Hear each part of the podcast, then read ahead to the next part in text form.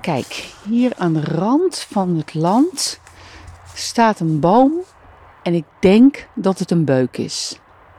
Nou, eerlijk gezegd denk ik het niet, maar ik was hier met een vriendin en zij denkt dat het een beukachtige is.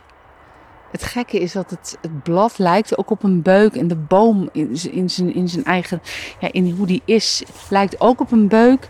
Maar een beuk heeft heel erg de neiging om zijn blad zo te laten groeien hè, dat er zoveel mogelijk licht op komt. En daaronder die beuk is het dan vaak helemaal donker. En deze boom heeft dat niet. Dus ik twijfel nog, maar het leuke is wel dat waar ik nu sta, ik sta dus onder die boom en op de grond zie je allemaal opschot opkomen. Um, en opschot is eigenlijk uh, dat er allerlei kleine jonge boompjes van de boom die daar staat opkomen vanuit de wortels die hier onder de grond uh, groeien. En dat zijn er heel veel. Dus we krijgen hier een, nou ja, ik noem het even een beukenbos, waarvan ik dus eigenlijk denk dat het niet zo is. Maar hier komt dus een, een mini bosje van boompjes die hier op het, groeien, uh, op het komen zijn. Voorheen werd het hier het gras altijd gemaaid, dus werd het altijd weggemaaid.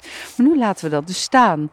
Het grappige is ook dat mijn hond um, die blaadjes heel erg lekker vindt. Dus die zit heel erg die uh, takjes allemaal af te vreten.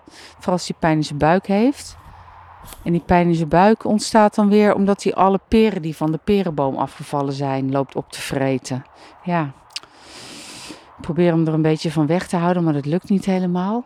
Maar goed, hier dus een, uh, een bosje wat we krijgen. En ik laat het lekker opkomen, dat is leuk. Dan zie je hier straks een paar van die bomen en dan zullen er een paar van overblijven, want die zullen elkaar wel wegconcurreren. En dat, uh, dat brengt weer wat beweging in het land. Ik kijk nu op en ik zie ineens dat in de schuur het licht brandt. Nou, dat moet ik even uit van zetten.